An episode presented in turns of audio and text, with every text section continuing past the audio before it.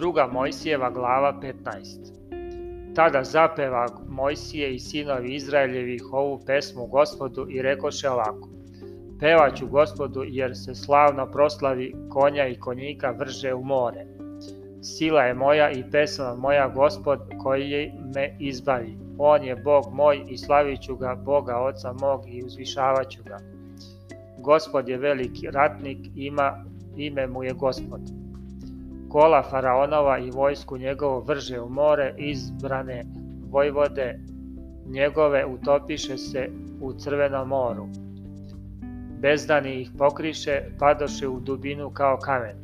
Desnica tvoja, gospode, proslavi se u sili, desnica tvoja, gospode, satre neprijatelja.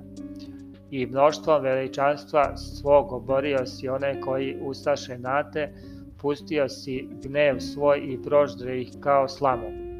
Od daha nozdrava tvojih sabra se voda, stade u gomilu voda koja teče, stinuše se vali usred mora.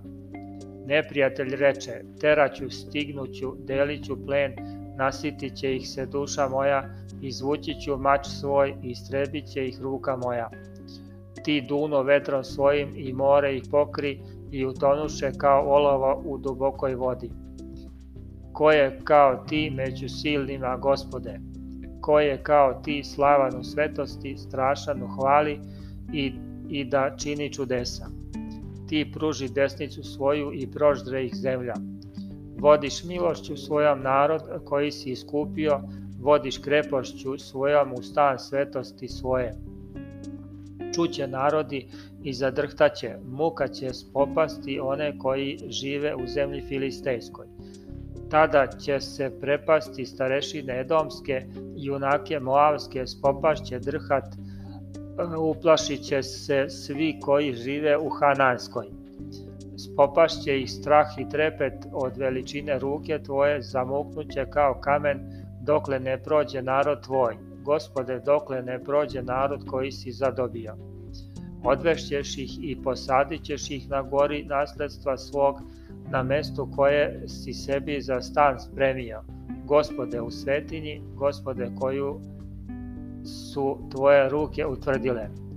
Gospod će carovati do veka.